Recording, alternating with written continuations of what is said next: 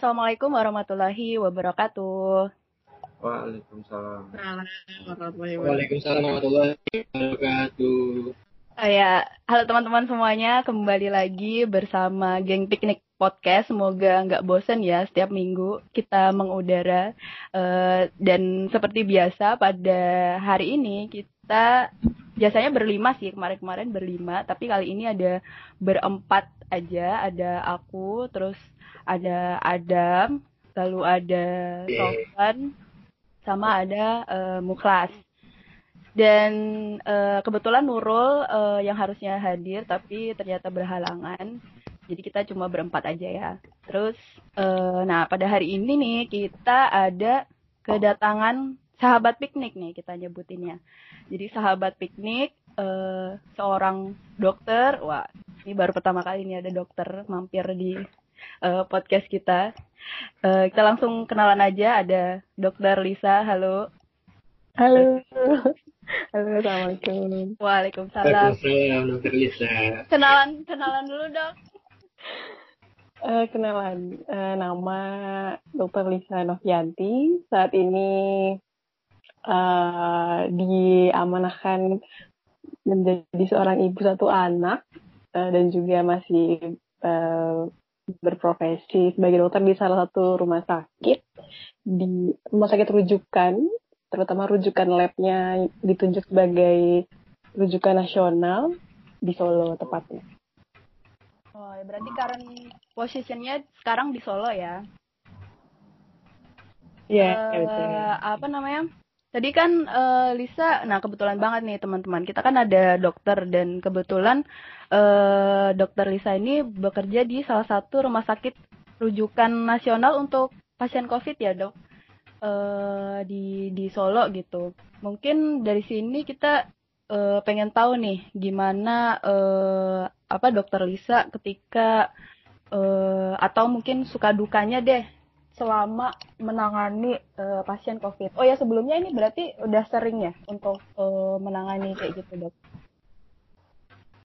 Ya uh, udah tiga bulan ya semenjak covid bahkan sebelum ramai itu juga udah mulai gembar-gembar sejak itu jadi sekarang tuh uh, di rumah sakit kan sudah ada triase ya triase itu memilah-milah pasien ini hmm. pasien uh, kira-kira ke arah covid atau enggak nah hmm. itu tuh bergantian semua dokter yang jaga tuh harus dapat jadi itu bergantian gitu jadi lumayan sering sih udah yeah. gitu terus sakitnya ini punya bangsa khusus di COVID yang bisa menampung 42 pasien gitu. Hmm. Jadi banyak karena kan sudah rujukannya. Jadi lumayan banyak gitu. Iya iya. Berarti itu kalau uh, apa namanya di rumah sakit nih sistemnya itu misalnya kayak ada pasien terus uh, untuk uh, misalnya ada yang datang katakanlah di IGD kayak gitu. Itu juga ap, semuanya itu berarti harus di uh, tes COVID gitu atau uh, apa tergantung dia punya gejala apa gitu? Atau gimana?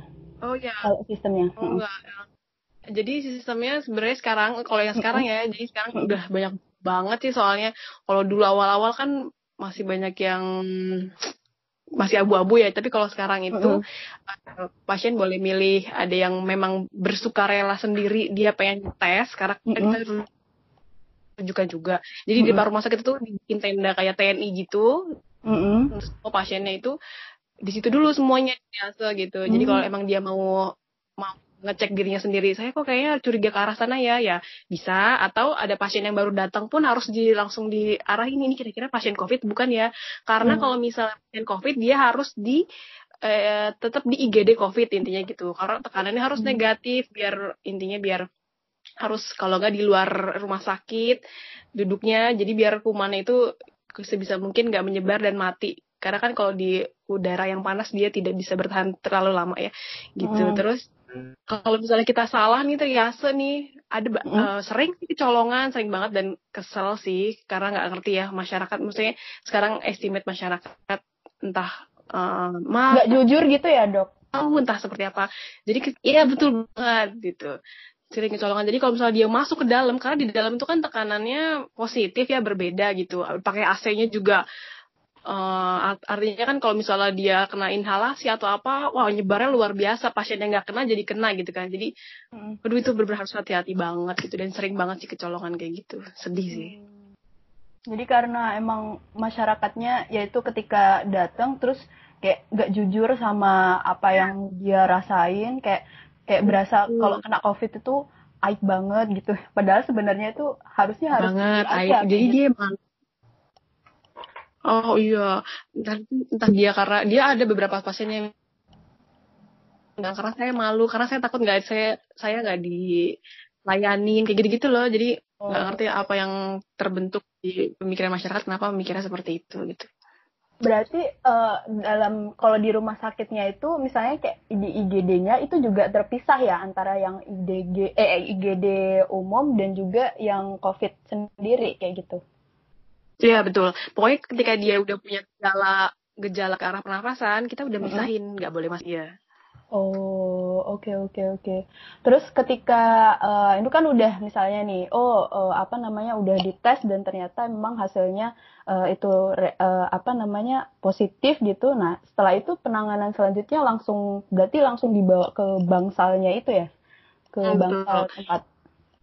Betul. Jadi pun ketika jadi hasil tesnya itu kan nggak jadi cepet ya kita lebih hmm. kalau pas sakit itu kita punya PCR dan karena hmm. lab rujukan nasional jadi PCR jadinya 24 jam beda hmm. kalau misalnya rumah sakit lain kan harus ngirim dulu berapa lama berapa hari kalau kita yeah, bisa yeah, yeah. udah jadi jadi kalau memang dia ke arah sana langsung kita masukin ke isolasi gitu ketika sampai dia benar negatif bahkan kita biasanya dua kali swab beber negatif baru kita keluarin ke bangsal biasa gitu oh walaupun itu negatif tapi dia ada punya gejala. Cuman dia hasilnya negatif itu tetap uh, dirawat juga ya di situ atau gimana?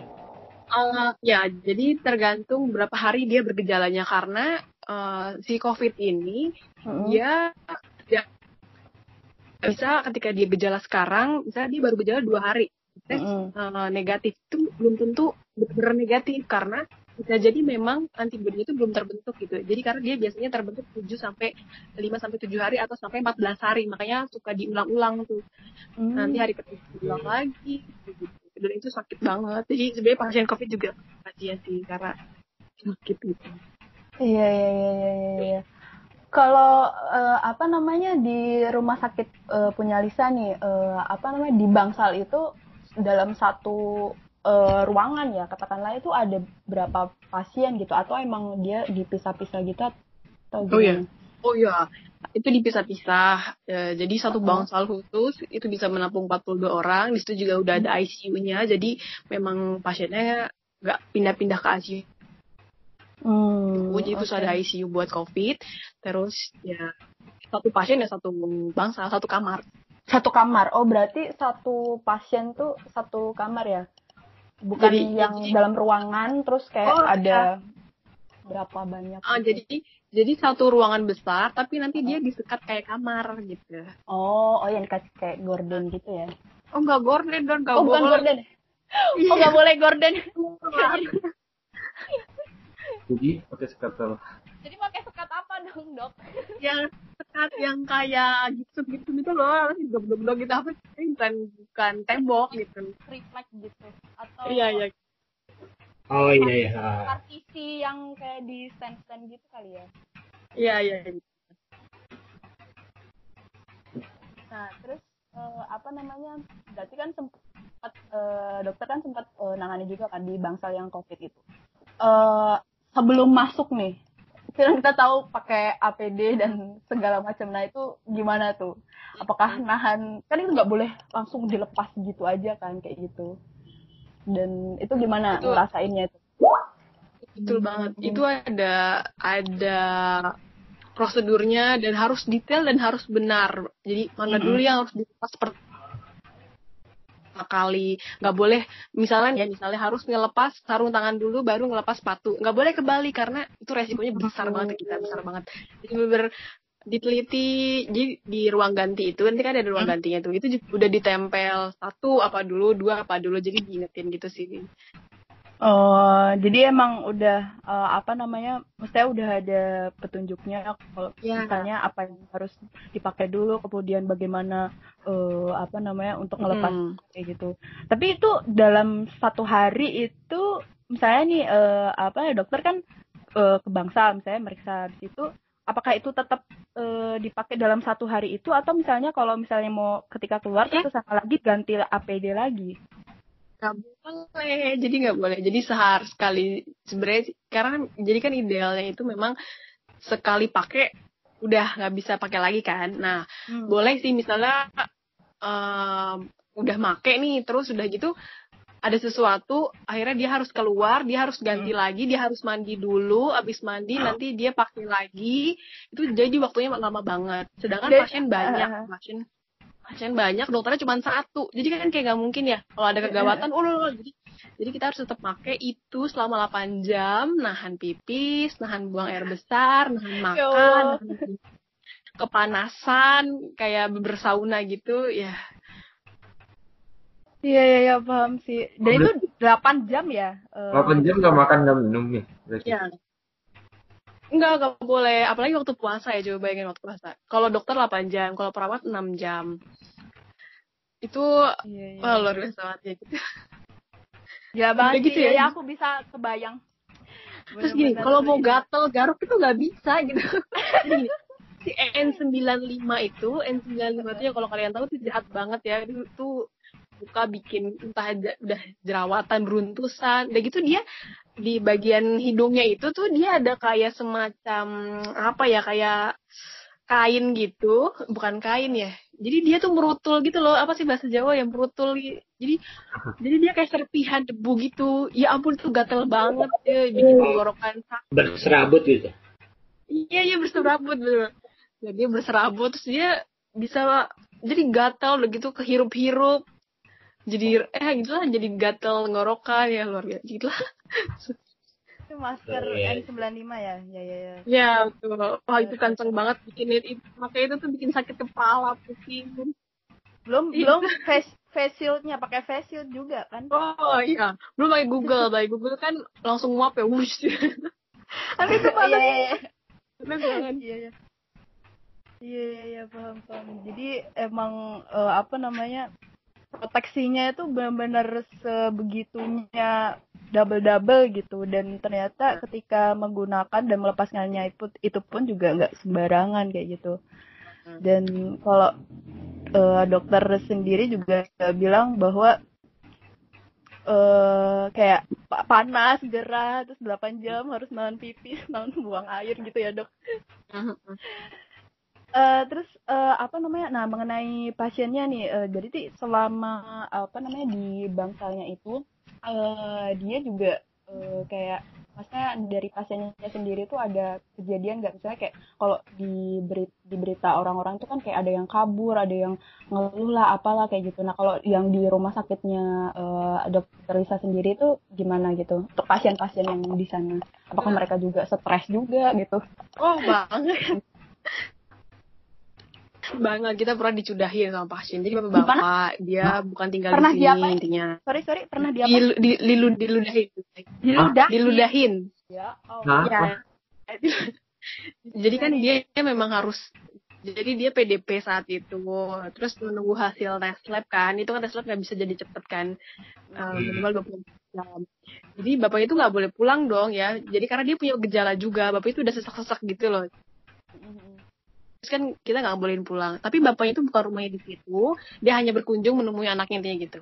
Dia nggak mau pokoknya dia nggak mau dia nggak mau di dia agak trauma juga dengan sendirian. Dia nggak mau pokoknya udah meronta-ronta nggak mau dirawat. Dia pengen pulang pengen keluar.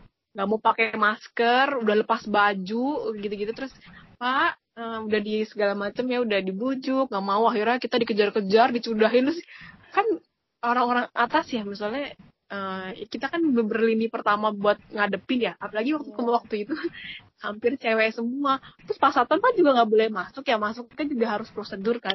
Aduh itu pun ya itulah pokoknya kayak gitu.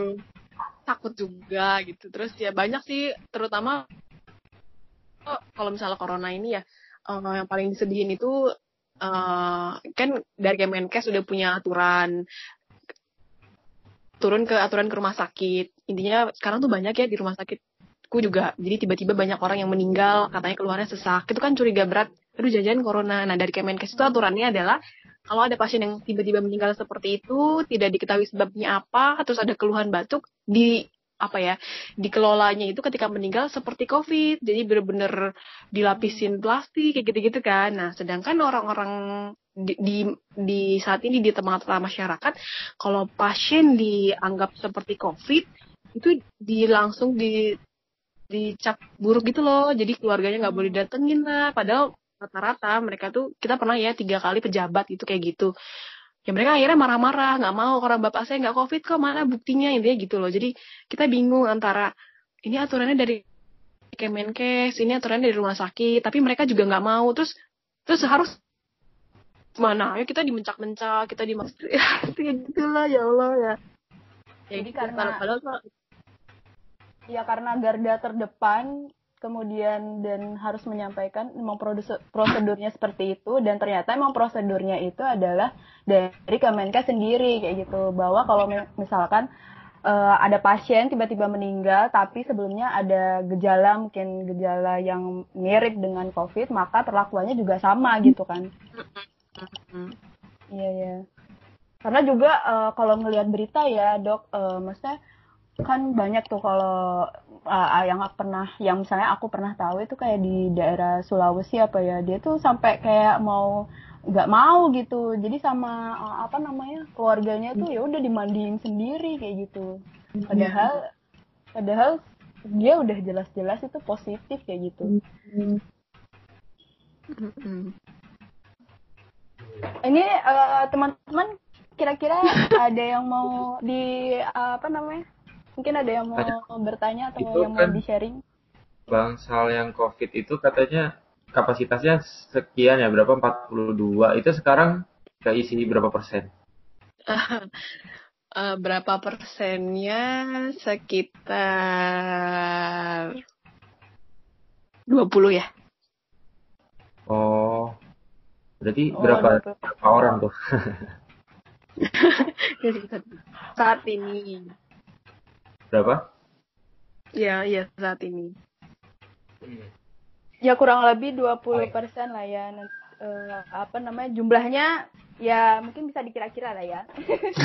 ya dok. oh ya, aku mau nanya dok. Ya. Kan uh, dokter ini kan seorang ibu juga ya. Seorang ibu yang masih punya anak masih kecil gitu. Nah, apakah ada rasa kekhawatiran gitu? Karena kan kalau yang aku tahu kan uh, siapa pun yang memang bekerja di rumah sakit pasti ya merasa khawatir bahwa dia akan akan carrier lah atau apalah dan sebagainya akan menularkan ke keluarganya kayak gitu. Nah itu bagaimana cara dokter untuk bisa apa ya ya ya paham kan untuk bisa pada saat pulang dia pengen uh, meluk sang buah hati dan sebagainya kayak gitulah pokoknya. Mm, teman. Ini yang aku galauin ya dari. Jadi kan kalau misalnya yang jadi garda terdepan tuh rata-rata ya dihitung jari lah ya baru usia berapa tahun mengabdinya gitu ya. Biasanya pada baru punya anak kecil-kecil semua, baru pada nikah, lagi hamil, itu banyak banget. Di rumah sakit aku juga banyak banget. Dan teman-teman seangkatanku juga kan sama ya, gitu banyak banget. Aduh itu galau banget sih. Uh, kadang kita ngerasa, aduh kok aku udah mulai radang ya, itu udah parnonya setengah mati gitu, aduh. Udah gitu punya anak kecil coba kan dia masih di bawah 2 tahun. Dia harus masih misalnya masih asi terus padahal dia nggak bisa kan nggak bisa jauh-jauh harus nempel kan artinya kan skin to skin ya. Itu kan juga beresiko banget ngelarin jadi ya waktu itu ketika misalnya aku udah ada bersinggungan sama pasien positif ya kita isolasi. Jadi isolasi mandiri kayak nggak deketin anak. Eh bayangin gak sih seorang ibu 14 hari misalnya nggak deketin anak cuma ngeliatin nggak bisa nyium nggak bisa meluk. Terus kayak gitu lah pokoknya. Apalagi teman-teman yang lain kan kalau aku kan memang nggak punya rewang ya. Jadi memang nggak ada yang bantu. Jadi memang megang sendiri gantian sama suami karena nggak ada rewang yang nginap gitu.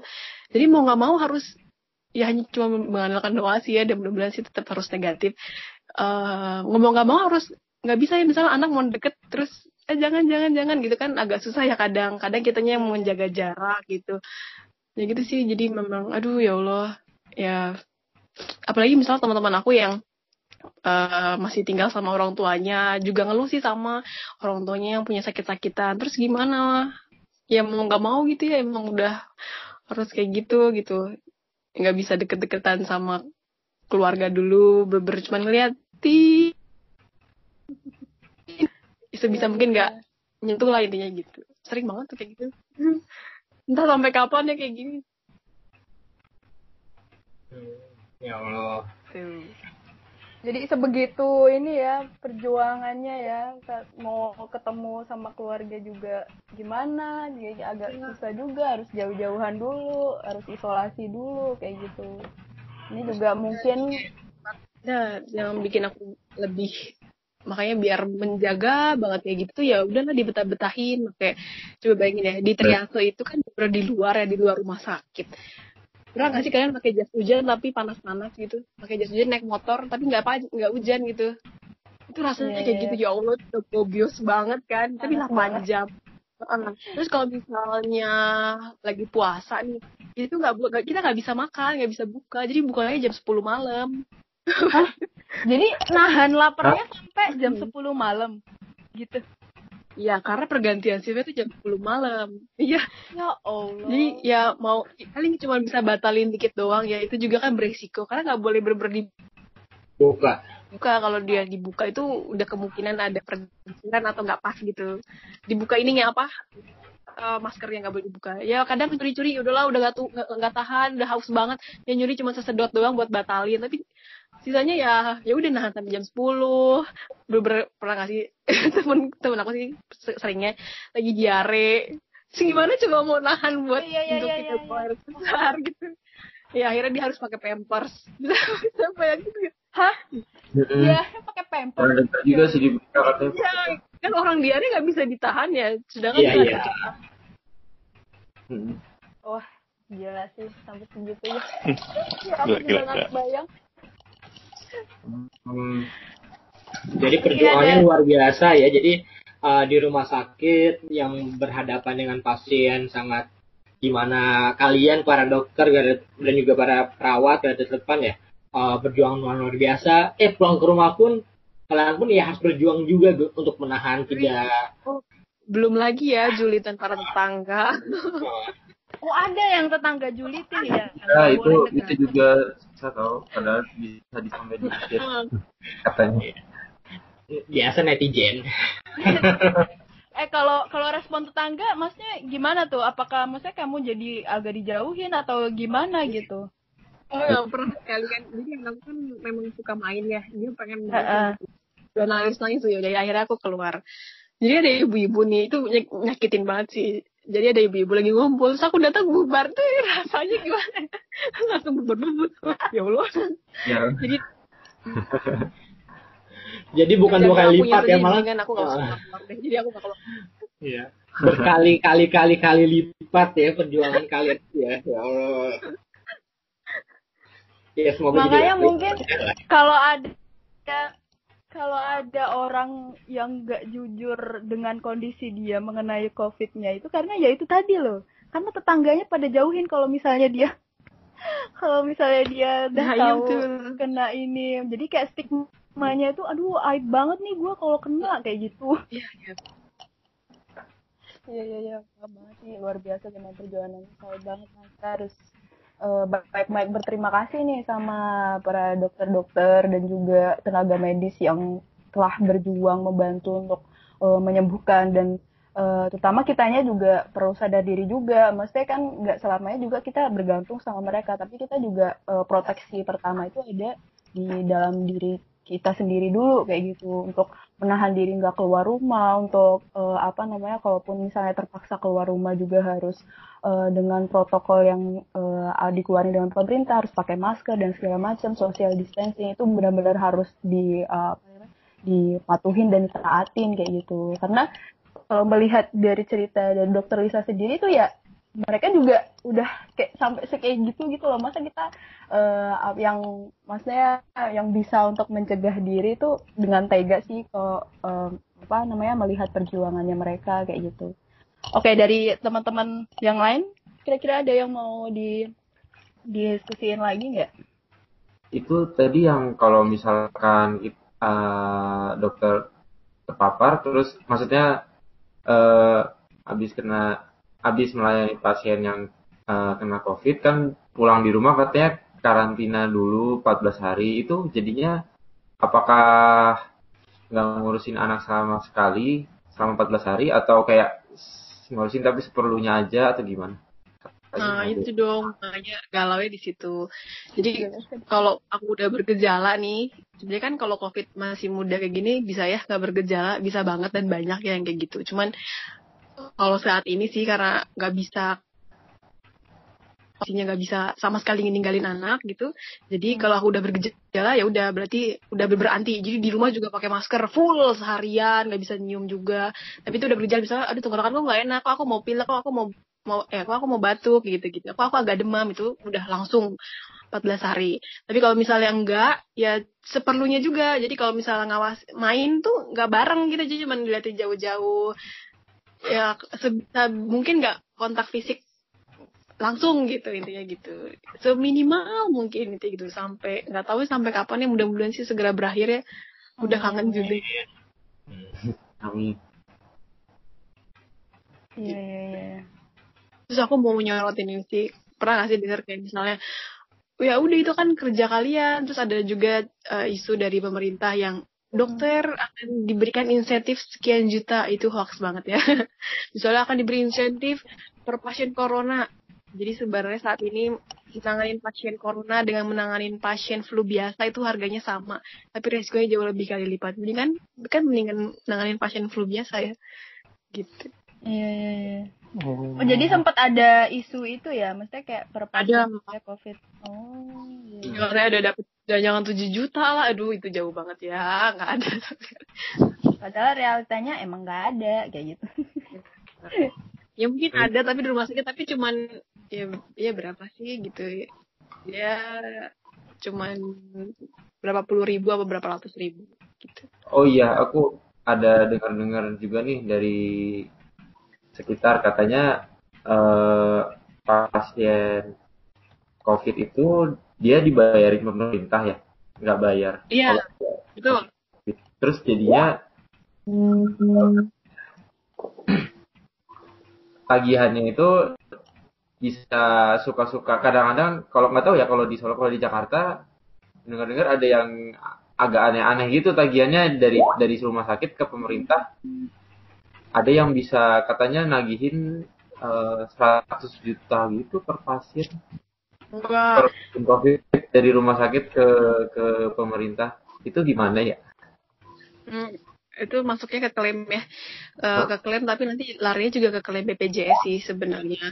Uh, sejauh ini sih memang semuanya ber BPJS atau minimal askes gitu. Jadi memang ditanggung sama BPJS tapi udah ada paketnya jadi memang benar-benar ada budgetnya ada maksimal limitnya. Nggak bisa sampai beratus-ratus gitu nggak bisa.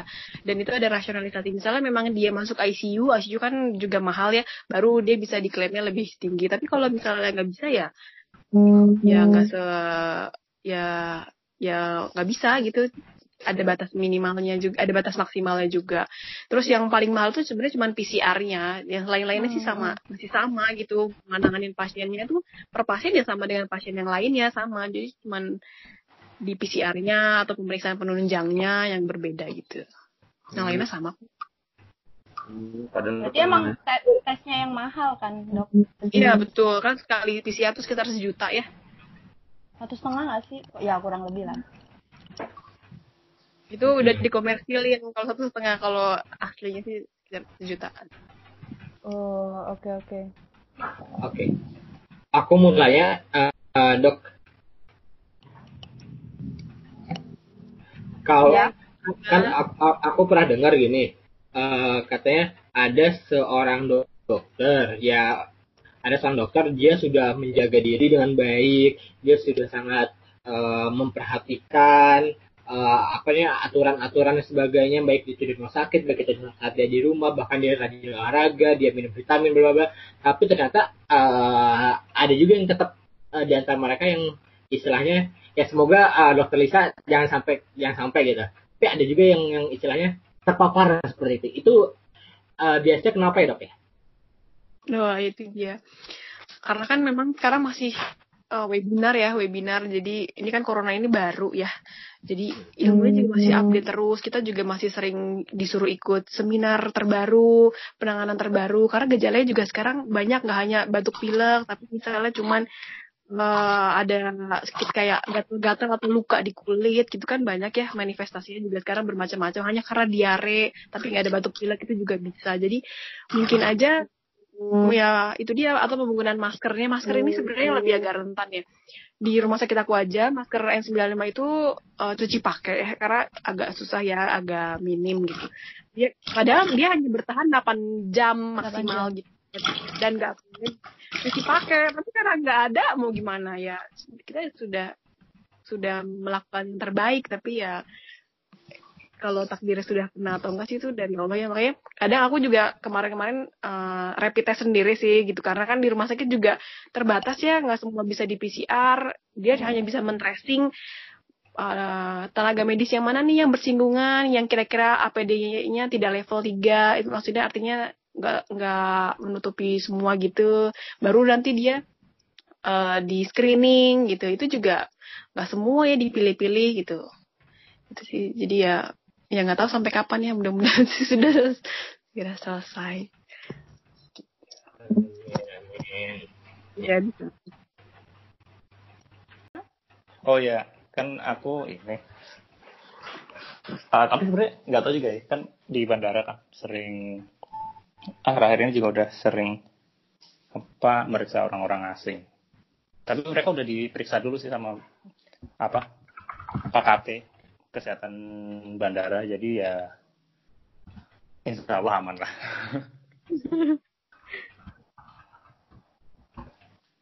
Berarti kalau di uh, apa namanya di bandara itu juga dia ada tes tesnya gitu ya? Uh, kalau dari luar negeri mereka datang terus uh. diperiksa sama pihak kesehatan bandara itu di rapid Gitu. Kalau kalau yang lokal, kalau yang lokal juga sama. Kalau yang lokal di Medan enggak? Enggak. Oh enggak. Hmm. Oke, okay, Tapi kan sekarang uh, untuk uh, apa namanya kalau misalnya mau lakukan perjalanan kan dia juga harus bawa itu loh surat keterangan uh, apa namanya tes PCR atau rapid testnya itu sama surat keterangan uh, bebas dari apa influenza kalau nggak salah. Jadi dua itu. Jadi kayak kemarin uh, apa namanya yang aku tahu misalnya dari kereta api dari KAI kan dia sudah me, uh, mengoperasikan beberapa keretanya kayak gitu. Terus uh, nah syaratannya itu itu kayak gitu. Jadi harus bawa si, si apa namanya surat hasil tesnya itu gitu. Padahal uh, kalau mau tesnya sendiri itu kan tadi dibilang mahal ya kalau nggak salah. Yang tes PCR itu satu jutaan kan kayak gitu. Dan itu kayak aduh gimana ya? Itu banyak orang yang mengeluhkan juga gitu. Aduh mahal tapi uh, kayak lebih mahal tesnya daripada uh, tiket perjalanannya kayak gitu.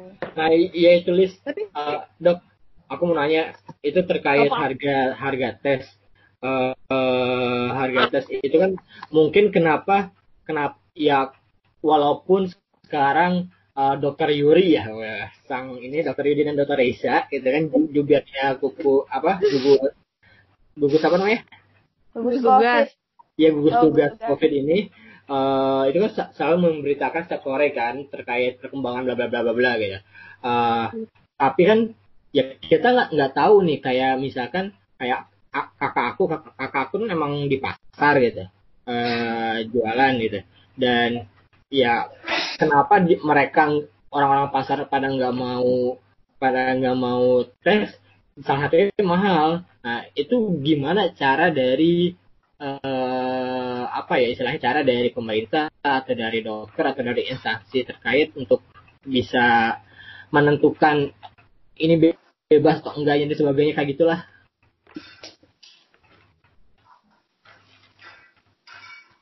Halo dok. Gimana? Putus, putus, Pak. Putus, putus, Pak. Gimana cara instansi? Jadi ya, ya masih kan kar dikarenakan dikarenakan uh, biaya rapid test, biaya swab juga uh, swab test. Mm -mm. juga sangat mahal gitu kan apalagi bagi orang-orang yang memang istilahnya ekonomi lemah sehingga ya mungkin mereka beresiko bahkan bisa Mm-mm. jadi mereka sudah terjangkit ya tapi mereka nggak eh, nggak ngelapor atau bahkan nggak langsung ke dokter untuk ini nggak tes juga gitu. Betul. Nah, makanya. Nah, itu dia. Jadi bisa jadi yang ada di yang data yang ada di pemerintah ini itu cuman data puncak gunung es gitu loh. Karena kita belum punya rapid test yang massal. Sekarang rapid test juga nggak ada yang gratis ya kayaknya ya. Dulu Iya, nggak gratis kan gratis. Heeh. ya itu kita cuma bisa menjaring dari yang rumah sakit maksimal gitu. Terus dari yang rumah sakit aja segitu banyaknya. Coba di berapa banyak tempat di Indonesia. Jadi ini sebenarnya ya kayak tersembunyi aja gitu, cuman gunung es aja yang ketahuan. Ya, itu PR pemerintah sih dari dulu juga para pakar kan bilangnya rapid test yang massal kayak negara-negara lain gitu langsung rapid test Korea yang semua penduduknya di PCR gitu. PCR kan mahal ya. Korea keren banget ya. Mau di PCR di swab hidungnya. Ya kita makanya mana nih pemerintah ya? Aku juga geram sih. Gimana sih ini? Kayak tiba-tiba belum dia rapid test atau belum di rapid test massal udah new normal new normal makin lambung aja tuh yang positif. Iya, bahkan bah- bahkan di, eh, karena adanya status new normal ini eh, orang-orang semakin ya udah semakin berkeliaran keluar banyak, eh laporan data pun semakin banyak yang positif. Iya, ya itu dia. Mm-mm. Sedih ya. Hmm. Makanya ngeri-ngeri juga, maksudnya bagi kita ya yang istilahnya ya kita kalau kita nggak keluar ya kita gimana mau kerja gitu kan Mm-mm. ya maksudnya dilema juga sih dok maksudnya kalau nggak keluar ya nggak kerja tapi kalau di dalam aja ya istilahnya kalau pernah ngebul kalau bahasa ini ya ibu-ibu gitu kan gitu. Iya. Iya, mudah-mudahan di Indonesia nggak kayak India sih ya. Aku juga punya beberapa teman ya di eh, India ya kan kalau FK tuh juga ada yang beasiswa ya dari India gitu, dari Malaysia gitu. Hmm. Iya, sekarang udah parah banget sih kalau India jadi dia bener kewalahan banget. Ya bahkan pasiennya bener ditolak gitu, bener udah nggak nggak cukup lagi kapasitasnya. cukup rumah sakitnya Iya. gitu. Iya, heeh. Jadi bener-bener meninggal di depan mata, meninggal lagi Ah, ngantri. IGD. gitu. Jadi ya itu karena ya ya itu itu juga ya gila nggak ngelakuin lockdown kayak gitu lah. Ya sebenarnya sih nggak aja sampai gitu. Jadi emang ini ya dari pemerintah itu emang kayak benar-benar harus tegas gitu ya. Maksudnya kayak Mm.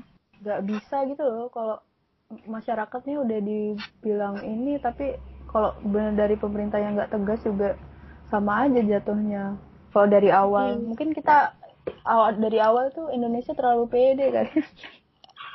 yang dulu awal-awal. Ya masalahnya juga ini juga sih. Nggak ada kompensasi real yang benar-benar Iya. menjamin kalau semuanya mau di lockdown atau apa tuh kompensasi real dari Iya. pemerintah tuh juga belum jelas. Jadi orang-orang juga Iya yang benar-benar. harus tetap hidup, bertahan hidup Bingung. ya gitu. Kita dari kemarin ya belajar dari Iya. yang Malaysia itu ya, Mus ya. Hmm, Ya, ah. Kalau dari Malaysia kemarin kan sih sempat eh, diskusi sama ada temen di Malaysia gitu. Terus dia bilang kalau di sana itu orang-orang semuanya dikasih di- kayak jaminan gitu. Hmm. Tapi sebenarnya kita juga dikasih loh by the way. Kalau terakhir-terakhir itu cuman tuh nggak tahu ya emang jumlahnya itu kalau yang aku dapat misalnya di desa aku sendiri itu eh, bantuan itu 600.000 ribu dan itu selama tiga bulan. Nah tapi yang menjadi permasalahannya adalah itu tuh suka nggak tepat sasaran kayak gitu loh. Ya, Jadi betul. Hmm, ya. yang harusnya yang harusnya dapet jadi malah nggak dapet kayak gitu Hmm. banyak tuh yang kayak di desaku tuh yang protes kok nggak dapet sih ini harusnya dia yang dapet gitu tapi ternyata sama aparat desanya itu dia nggak ngasih kayak gitu aku juga nggak tahu loh kenapa ada Bahkan- kejadian seperti itu bahkan termasuk ini kayak gula kayak sembako sembako yang dikasih itu gulanya malah kan gulanya itu malah sudah di kayak harus seberapa kilo tapi pada saat udah dibuka benar-benar oleh si orang menerima itu itu kayak di apa ya pakai jepitan gitu apa namanya staples gitu. Jadi kayak kayak udah ambil duluan gitu sama yang nyalurin. Itu kan parah banget gitu ya Iya iya, itu emang problemnya orang Indonesia sih. Iya nggak sih? Maksudnya kayak, aduh aku juga pengen dapat tapi gimana jadi kayak aja di klub kayak gitu. Emang ya kita itu perlu ini ya, maksudnya kayak sumber dayanya itu perlu banyak-banyak sering diedukasi gitu.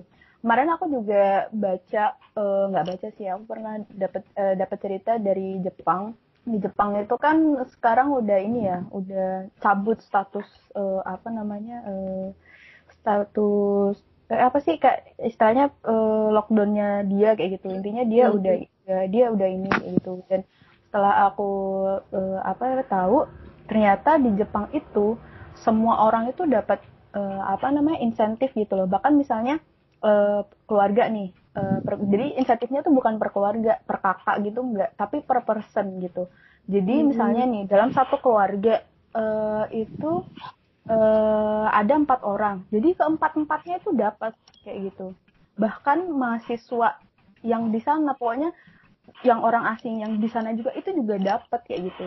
Itu yang dari pemerintah Jepang gila nggak sih? Dan itu amountnya tuh lumayan juga ya berapa yen ya aku lupa tapi kalau di total itu kurang lebih sekitar berapa puluh juta gitu dari Uh. dari pemerintah sana maksudnya kan kayak lumayan juga gitu loh Iya, yang iya. didapat dan mereka ngitungnya juga bukan per kakak gitu cuman ya gitu kembali lagi kan dia pemerintah Jepang kan mungkin dia punya eh, apa ya kayak udah yang negara yang bener-bener ini sedangkan kalau kita ngelihat negara sendiri tuh ya ampun kita ada duit aja nggak ada kayak gitu. Nah, sekarang aku mau nanya dong dok, seberapa efektif hand sanitizer dan cuci tangan untuk memutus rantai dari COVID ini? Memutus ya. Kalau Memutus. memutus, Dan juga masker kain, masker kain. Oh, kalau Mm. Hmm, gimana? kalau memutus itu dia cuci tangan dan hand hand sanitizer dia 99%. Hmm. Tapi kalau masker kain di penelitiannya itu cuma 40%. Tapi sebenarnya aku nggak boleh ngasih kayak gini ya. Jadi nanti masyarakat gak banyak yang mau masker kain. Jadi tapi ya karena kan dia kalau misalnya kita udah physical distancing dulu, eh insya Allah si kumannya kan udah menyebar dulu nih kan.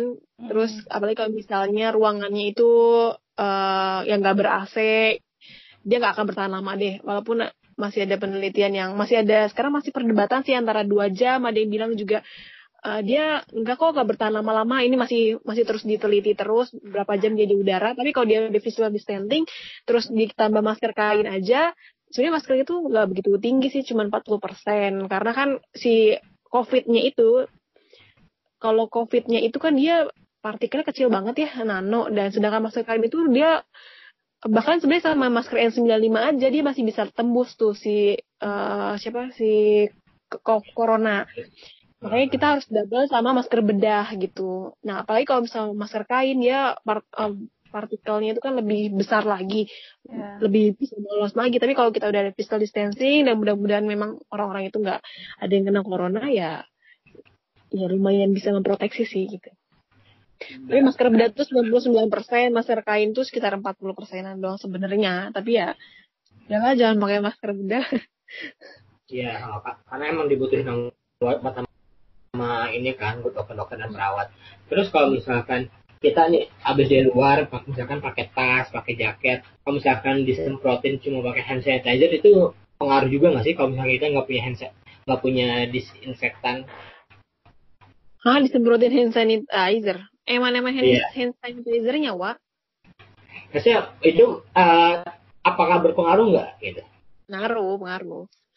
Berarti semprotin juga berpengaruh ya. Kayak misalnya ki- kita megang, megang habis HP nih, kayak orang-orang pekerja nih, pekerja kayak kita kita di, di naik KRL atau naik busway, kan pasti mau Iya, nggak mau baik ya banyak, banyak yang bawa pegang HP lah gitu kan sambil nunggu stasiun terdekatnya. Terus Ah, kita nggak tahu nih udara di sekitar kita kayak gimana. apakah dengan menyemprotkan hand sanitizer ke HP kita itu akan membunuh kuman juga gitu? Iya, iya. Ya, itu penelitiannya udah 99% ya, makanya tadi yang mengandung klorin ya. Nah, itu 99%. Tapi jangan lupa, jangan lupa. Jadi Hmm. nggak boleh loh kalau ada luka, dia terkena benda itu nggak boleh, eh, terkena bahan itu nggak boleh. Dia iritasi banget. Iritasi ya benar. Oh, ah, terus si Hanifah kan dia di rumah sakit mata ya. Itu dia dapet tuh pasien yang lagi hit-hitnya waktu itu semprot-semprot, dia nyemprot ke mata, akhirnya matanya kena korneanya, ya bisa Oh, buta iya. buta juga bisa gitu. Jadi ada komplikasi lain juga ya. Ya, itu nggak boleh. Jadi bisa aja membunuh 99%, tapi jangan lupa dilap. Iya sih. Oh ya, sama Oke. tanya dong. Aku agak masih bingung sih. Jadi corona ini sebenarnya nyerangnya itu apa? Sistem pernafasan ya? Atau yang betul. lain-lain? Soalnya katanya kan Hmm. orang yang meninggal tuh banyak karena komplikasinya, terus ditambah corona jadi meninggalnya. Nah, itu aku bingungnya apa? Meninggal karena komplikasinya itu atau apakah murni coronanya itu? Itu sih. Um, sepanjang yang aku tahu ya mendengarin pasien mostly yang meninggal itu dia pasti sudah komplikasi ke pernafasannya karena yang paling diserang itu pernafasannya si corona itu. Jadi kalau teman-teman misalnya pasti dia diintubasi nih. Yang udah meninggal tuh pasti dia diintubasi. Intubasi itu pakai ini loh pakai selang nafas yang ke paru-paru Iya. itu kalau misalnya kita sedot jadi kan kadang kita suka sedot ya suction gitu sedot. Biar jalur udaranya itu bersih. Itu tuh kental banget eh, lendirnya itu. Jadi corona ini memang yang itu yang bikin nyumbat jadi kalau teman-teman pilek deh bisa nafas nggak sih? Ada lendir gitu susah nafas kan gitu. Kalau lagi pilek Hmm. banyak ingus meler gitu kan susah nafas. Nah ini tutupin itu di jalur nafas yang tengah-tengah paru-parunya itu sebesar besar itu. Itu sih yang lebih sering. Jadi sebenarnya dia paling akhirnya memang menyerangnya si pernafasan gitu. Dan eh, dia meninggal karena komplikasinya. Ya sebenarnya sih double ya. Jadi jadi eh, patofisiologisnya itu adalah si corona itu kalau misalnya dia ada penyakit komorbid dia lebih cepat banget progresnya dan susah banget di, dihentikan sama si antibody gitu. Makanya kalau Hmm. ke seusia-usia kita nih yang misalnya masih memang bagus semua indeks kesehatannya em, Adam nih kelihatannya em, sehat tapi belum tentu dicek dulu nih. Makanya ini masih menjadi kritik ya pemerintah yang katanya di bawah 45 tahun boleh beraktivitas. Nah ini sebenarnya salah. Harus dicek nih eh, indeks kesehatannya misalnya trigliseridnya terus eh, BMI-nya itu juga faktor risiko loh. Berarti dia tidak sehat secara paripurna intinya itu juga punya resiko gitu. Kalau dia ada beberapa indikator ya itu semuanya bagus intinya sih medical check up ya.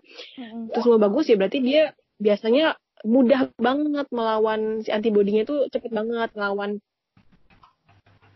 si virus corona itu. Tapi kalau yang punya komorbid itu ya sebenarnya si komorbid itu yang menyebabkan si virusnya lebih berkembang lebih cepat dan susah dikendalikan intinya gitu. Itu ujung-ujungnya menyerang pernafasan. Apa ya? Apa? komorbid itu penyakit penyerta. Misalnya misalnya dia ada DM juga penyakit penyerta. Ada jantung juga ada hipertensi juga ada stroke gitu penyerta. Ya, jadi penyakit bawaan ya. Maksudnya akan lebih rentan eh, kena kalau misalnya emang udah dari riwayat jantung, udah dari riwayat diabetes gitu ya, Dok ya. Lebih cepat kena dan susah sembuhnya. Jadi lebih lebih ganas lagi dia beraplikasi gitu Oh, le- lebih susah ya buat sembuhnya itu. Eh, by by the way, eh, apa namanya kalau dari susah banget. Kalau dari dokter sendiri eh, udah dapat kabar belum? Saya kayak apakah ada eh, apa namanya ketemu obatnya dulu atau vaksinnya gitu? Vaksin, vaksin seperti kalau itu. obat Ah, kalau obatnya kita sekarang masih pakai obat yang dari guideline WHO ya jadi Hmm. pakai obat ya semua dipakai obat anti malaria dipakai ya tapi alhamdulillah sih ya sementara saat ini sama obat buat gitu. ya alhamdulillah saat ini beberapa pasien yang sudah katakan negatif akhirnya gitu tapi untuk vaksin aduh masih jauh banget Belum ya? Terusnya lama banget pasti karena produksi massal itu la- lama nanam virus itu untuk jumlah yang sangat banyak itu lama banget Mm-mm. Jadi Sama- belum belum ini ya, belum ada ya. Ba- Baru dari guideline-nya WHO ya itu. Iya, iya. Sementara vaksinnya Sama- belum belum teruji. Jadi kalau vaksin ada ujinya banyak ya. Uji di hewan dulu, terus nanti uji manusia, ada fase-fasenya gitu. Itu juga masih agak lama ya. Uji Karena kan mungkin bisa jadi nih. Mungkin ya betul. Bisa jadi dia memang bener-bener eh, bisa menangkal corona. Tapi kalau ternyata bayi-bayinya nanti ternyata jadi pada cacat, pada kena CP misalnya, pada Down syndrome kan sayang juga kan. Jadi memang Mhm. harus bener-bener teruji lah Sama last question dong, masnya kalau orang yang udah dinyatakan sembuh itu apakah dia akan memiliki damage ke tubuh dia kayak cacat apa gitu? Kalau cacat enggak. Oh, oke oke. di paru-parunya gitu tapi jadi ber- berfungsi nggak seperti sebelumnya nggak sih kalau aku baca-baca itu nggak ada Eh, kalau dia mengalami fibrosis iya, tapi sebentar kalau fibrosis itu kayak apa ya? Jadi kayak kita luka nih, luka ada bekas parutannya namanya scar ya. Itu namanya Hmm. scar. Jadi kita Hmm. luka, ada bopengnya. Nah, itu masih dan itu akan rilis eh, akan relief beberapa saat gitu. Sementara sih dari penelitiannya seperti itu. Jadi nanti juga tidak akan menimbulkan bekas di kemudian hari gitu. Hmm, oke oke udah gitu Tapi reli- tapi itu sembuhnya juga agak lama sih. Maksudnya nggak dalam waktu beberapa bulan kemudian bisa langsung bersih nggak. Fibrosis Hmm. itu ah ya ya gitu. jadi eh, berarti kalau yang kena itu mengalami fibrosis ya maksudnya kayak hanya sekedar luka aja gitu kan atau Kalau yang kena kalau yang kena kena corona, jadi Heeh, heeh. justru di or- biasanya di organ parunya itu loh kayaknya kalau aku kalau dia Mm, tidak kalau dia tidak bergejala bisa mm. jadi enggak. Ah, tapi Oh. kalau dia sampai bergejala sudah batuk sudah sesak, wah itu udah pasti kena. Hmm, oke oke oke. Bisa kambuh lagi nggak kalau udah dinyatakan sembuh?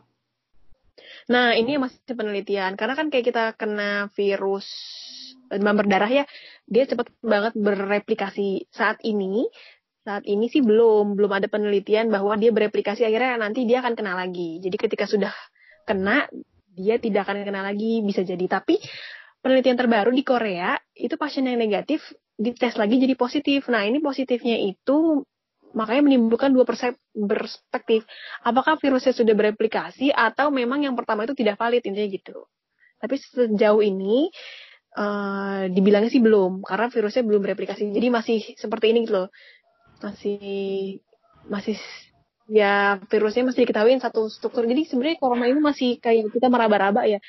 Masih meraba-raba. Ini lagi di kebun binatang, kita baru meraba oh ini harimau.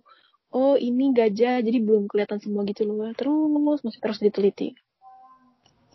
Oke oke. Oke.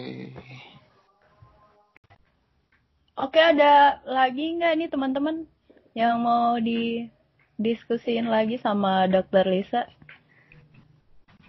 Nggak ada ya. Kalau nggak ada mungkin kita langsung closing aja kali ya. Jadi mau oh ya sebelum closing mungkin eh apa namanya dari Dokter Lisa ada yang mau disampaikan nggak buat teman-teman pendengar eh, podcast dari geng piknik ini? Ya, buat kita kita nih masyarakat nih. Iya buat masyarakat juga. Closing statement mungkin. eh apa ya?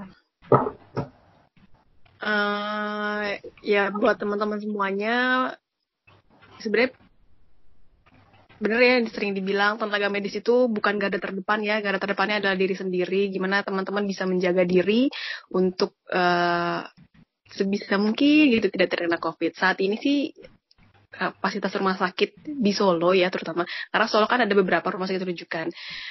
Di rumah sakit aku masih agak longgar ruangannya. Tapi tenaga medisnya kita udah kewalahan loh dengan 42 pasien itu eh, kapasitasnya tapi tenaga medisnya nggak bertambah. Bahkan tenaga medisnya semakin berkurang. Kemudian teman-teman bisa menjaga untuk selalu melakukan protokol menjaga kesehatan jangan lupa berolahraga. Ketika sakit langsung diobatin. Tolong banget teman-teman jujur apa pun yang dirasakan. Apa pun mau itu diare mau itu tidak hanya sekedar batuk ataupun seperti apa gitu. Jujur apa aja semuanya gitu biar nanti dokter yang memilah. Kira-kira ke arah mana gitu gitu sih terus okay. jangan lupa jangan pakai jangan memakai alat-alat medis ya. Alhamdulillah sih sekarang karena sudah banyak masyarakat yang tidak memakai masker bedah udah bernafas lega. Masker bedah kita udah banyak. Waduh kemarin-kemarin masya allah susah banget. Kita aja susah banget nyari sampai ketipu juga buat beli di tempat lain. Itu ketipu puluhan juta padahal mau beli masker bedah gitu gitu gitu lah ya baik baik gitu ya teman-teman uh, semuanya pesan dari dokter Risa untuk uh, garda terdepan itu adalah dari diri kita sendiri itu untuk selalu menggunakan masker, jaga jarak dan kalau bisa itu ya stay at home aja gitu, jangan ke mana-mana. Walaupun isu-isunya juga uh, bakalan ada new normal, aku juga nggak tahu sih gimana new normal yang sebenarnya itu. Uh, tapi yang pasti tetap uh, jaga diri sendiri, uh, jaga kesehatan dan tetap uh, uh, apa namanya aman semuanya kayak gitu. Oke teman-teman mungkin uh, itu aja diskusi kita hari ini bersama dengan Dokter Risa. Terima kasih banyak buat Dokter Risa atas sharing hari ini. Uh, terima kasih. Iya, terima kasih sudah bercerita mengenai bagaimana keluh kesahnya menjadi tenaga medis di tengah wabah uh, COVID ini gitu. Uh, mungkin uh, itu aja teman-teman uh, atas diskusi hari ini. Terima kasih uh, buat teman-teman yang mungkin ada yang mau mendengarkan. uh, sampai jumpa lagi di uh, podcast Geng Piknik Podcast Geng Piknik Podcast minggu depan. Assalamualaikum warahmatullahi wabarakatuh.